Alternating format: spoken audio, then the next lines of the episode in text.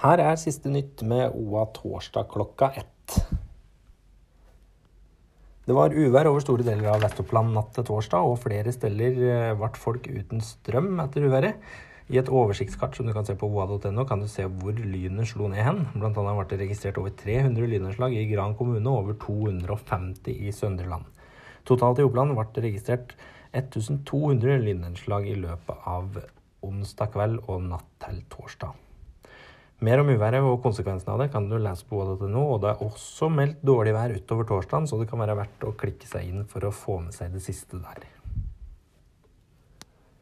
Sauesanking pågår for fullt flere steder, og samtidig er det nå utstedt en fellingstillatelse på en ulv som hele sommeren har bevega seg i området Nordskinnet i Vesterås. På lørdag kom en sauebonde over et lam som var bitt i nakken, men som fortsatt levde. Like ved så fant den også et kadaver. Sauebonden ønsker ikke å stå fram i avisa, men forteller at det har vært en trist start på sauesankinga så langt. Ulven det jaktes på, den ble observert så tidlig som 19. mai, og det er frykt for at den skal etablere seg i området. Statens vegvesen stansa onsdag kveld et polsk vogntog langs rv. 4 på Hadeland som nesten ikke hadde igjen mønsterdybde på fire av dekka sine. Vogntoget fikk umiddelbart kjøreforbud, men skifta dekka der og da og kjørte videre på nye dekk. Statens vegvesen sier til OA at mange ender opp med å kjøre på slitte dekk utover høsten for å slite ut dekka skikkelig før vinterdekka skal på. Det er trafikkfarlig, mener fagleder Tor Ringstad hos Statens vegvesen. Mer om saken kan du lese på oa.no nå.